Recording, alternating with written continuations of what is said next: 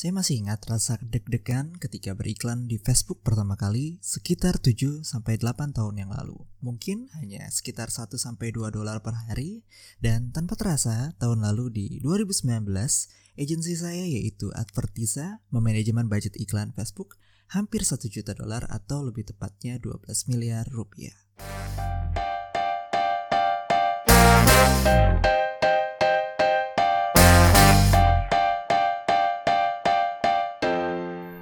Hai, salam kenal. Saya Iqbal Maulana, CEO dari Advertisa Digital Agency, yaitu salah satu Facebook Preferred Partner Agency di Indonesia. Dan selama kurang lebih lima tahun ke belakang, kita telah menghandle berbagai tipe klien dari pemilik toko online, juragan pabrik, founder startup, dan juga beberapa tokoh politik. Nah, tiap klien punya cerita, studi kasus, dan sudut pandang yang berbeda. Dan hal-hal tersebut yang akan menjadi topik obrolan kita pada kesempatan kali ini. Dan alasan saya bikin podcast ini, podcast ngobrol.im, sebenarnya untuk cari teman, ngobrol, uh, dan juga sebagai salah satu wadah untuk sharing. Dan diskusi ini nanti akan dibentuk juga dalam format artikel dan akan dipost di website iqbalmaulana.com.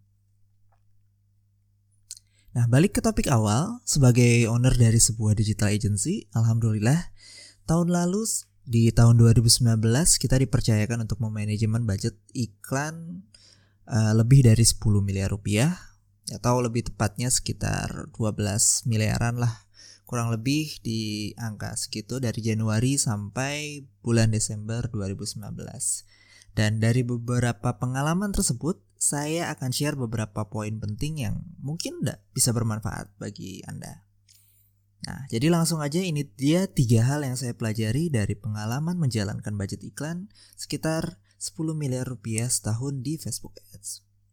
Yang pertama, tidak ada instan formula. Nah, ini buat teman-teman sekalian yang baru mulai beriklan di Facebook, percayalah sebenarnya tidak ada kayak semacam silver bullet atau apa pun ya yang bisa disebut atau magic formula atau yang bisa dibilang ketika menggunakan teknik ini bisa langsung auto profit.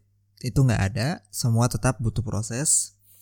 Meskipun uh, saya sudah ada cukup banyak pengalaman beriklan di Facebook dari berbagai kategori bisnis tapi tetap aja semuanya butuh proses dan membutuhkan alur yang tepat Mungkin banyak selinting informasi yang seperti pakai cara A pasti berhasil, cara B ini pasti profit atau misalnya ya yang lebih detail ketika kita set up uh, eh, CBO campaign budget optimization target general 5 ad set 6 ads duplikat hingga 100 kali, nyalain automatic rule setup manual bidding sekian ribu dan di, dan tunggu berkala 3 jam masih banyak detail teknis yang lainnya ya kurang lebih begitu. Tapi nggak semua Cara-cara tersebut berlaku ke semua bisnis dan semua situasi. Faktanya tidak semua cara-cara instan yang ramai diperbincangkan di lini masa Facebook atau grup-grup Telegram itu works 100%. Lalu cara apa sih yang sebenarnya kita di Advertisa itu lakukan?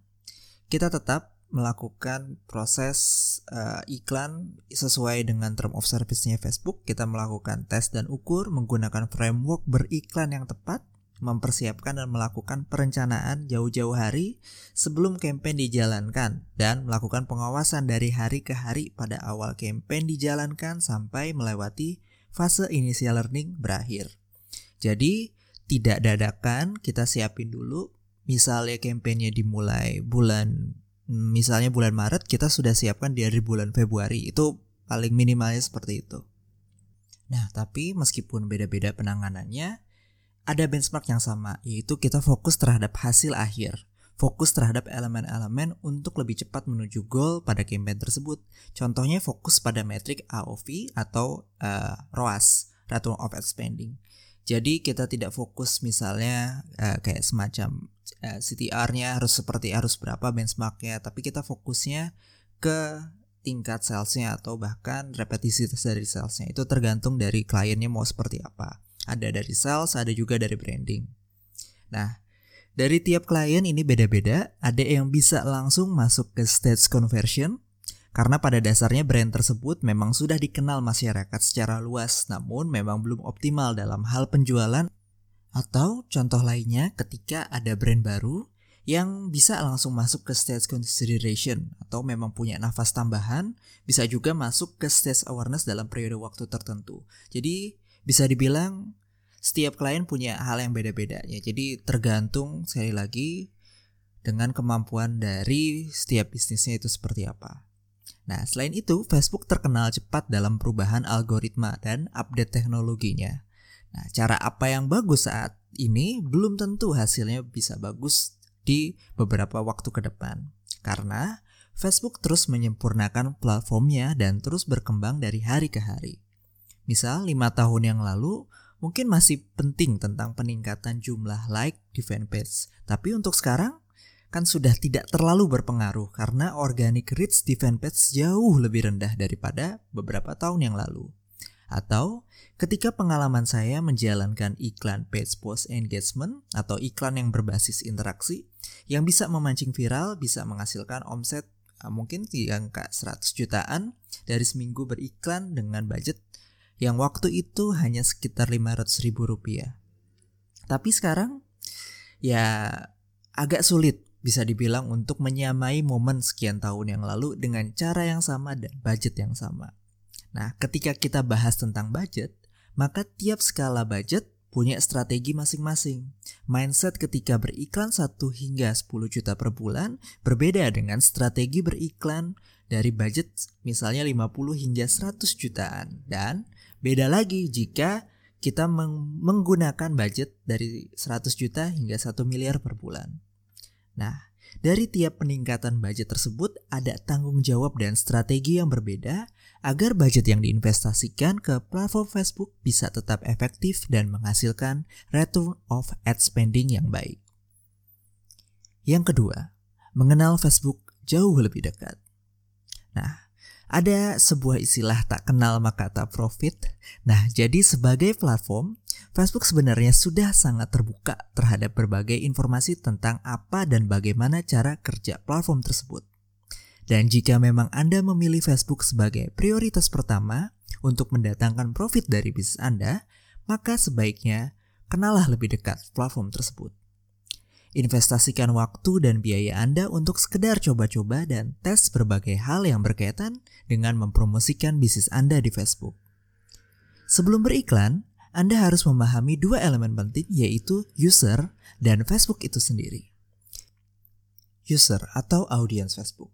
Cari tahu alasan mengapa orang-orang yang ada di Facebook bisa login tiap hari dengan begitu, Anda bisa mendapatkan insight tentang cara Anda mempromosikan produk Anda. Ingat, orang-orang yang login di Facebook ataupun Instagram memiliki rentang waktu yang sedikit dan memiliki distraksi yang tinggi antara iklan dan konten lainnya. Banyak di antara user menggunakan sosial media itu hanya di waktu-waktu yang senggang. Bisa sedang desak-desakan di kereta, sambil makan siang, atau ritual scrolling sebelum tidur dan butuh beberapa kali impresi atau iklan tertampil agar orang tersebut mengingat karena saking banyaknya konten lain yang ada di sosial media. Dan karena hal tersebut, hal yang diharapkan calon customer Anda adalah cara pembelian yang gak ribet. Karena setiap langkah tambahan atau penundaan dapat membuat pelanggan meninggalkan pembelian atau biasa disebut friksi. Jadi tempatkan sudut pandang Anda sebagai calon pembeli yang aktif di sosial media. Contoh, gampangnya dulu ada klien yang memiliki tata cara order yang cukup ribet di halaman websitenya dan mungkin ini bisa ditiru oleh teman-teman sekalian yang saya lakukan simple saja menyuruh si klien tersebut untuk coba order sendiri di websitenya yang diklik langsung dari sosial media.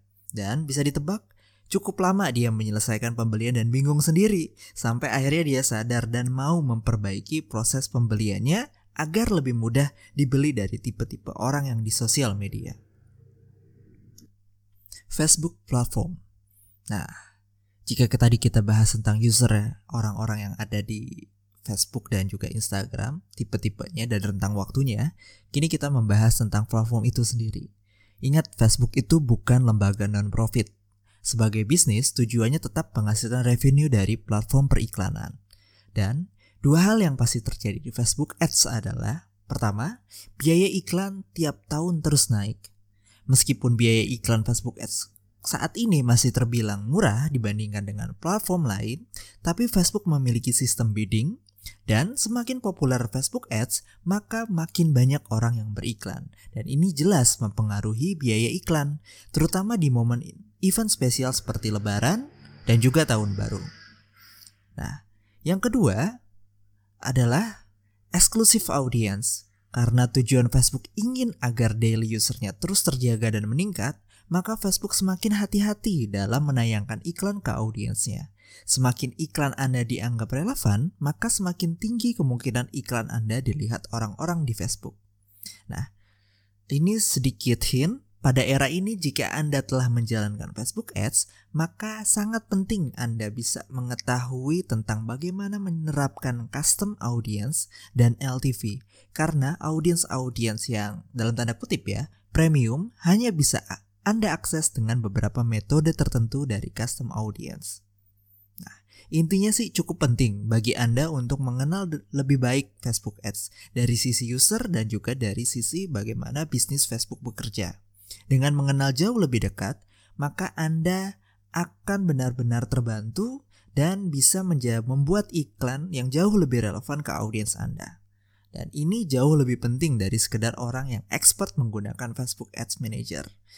Nah, setelah mengenal jauh lebih dekat Facebook, uh, masuk ke insight yang ketiga, yaitu kita membahas tentang pondasi bisnis jauh lebih penting daripada teknis. Um, kadang pengusaha yang saya temui ketika ingin dibantu proses periklannya itu tidak mengerti dengan produknya sendiri. Dan ada banyak cerita yang bisa diambil dari sini. Saya secara personal memiliki Certified All Content Learning Pad di tahun 2015 yaitu sertifikat mempelajari A sampai Z hal yang berkaitan dengan Facebook Blueprint dan um, saya membaca sekitar ratusan modul teknis. Selain itu sering ikut Facebook quiz dengan hal yang berkaitan dengan teknis di setiap event dan hampir 90% saya berada di tingkat yang atas. Dan selama beberapa tahun ke belakang diminta juga untuk mengajarkan hal teknis di beberapa perusahaan, contohnya Detik, CNN, Rumah Zakat, PT Taman Impian Jaya Ancol, dan juga banyak toko online di Indonesia. Nah, dari pengalaman tersebut saya banyak belajar dari berbagai sudut pandang dan ini yang semakin menguatkan asumsi saya tentang pondasi bisnis jauh lebih penting dari hal-hal yang teknis. Rata-rata bisnis yang berhasil meningkatkan omsetnya di Facebook Ads sebagian besar dipengaruhi oleh owner bisnisnya sendiri dan bagaimana kualitas produknya. Dari pengalaman saya jauh lebih penting belajar tentang buyer persona, customer journey, stage of funnel dan hal-hal yang fundamental pada umumnya. Karena ketika kita memahami pola pikir manusia itu jauh lebih penting daripada algoritma Facebook. Facebook Ads hanya mempermudah penyampaian pesan yang tepat ke target yang tepat dengan cara yang tepat. Perlakukan Facebook Ads hanya sebagai media, yaitu jalur meningkatkan leads untuk diolah kembali dan dimanfaatkan semaksimal mungkin.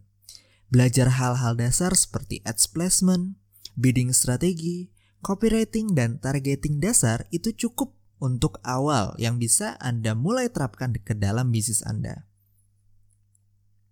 Baru setahap demi setahap mulai fokus tambah pengetahuan Anda dengan mulai delegasi tugas ke bagian marketing atau ke bagian yang mengurusi iklan Facebook Anda.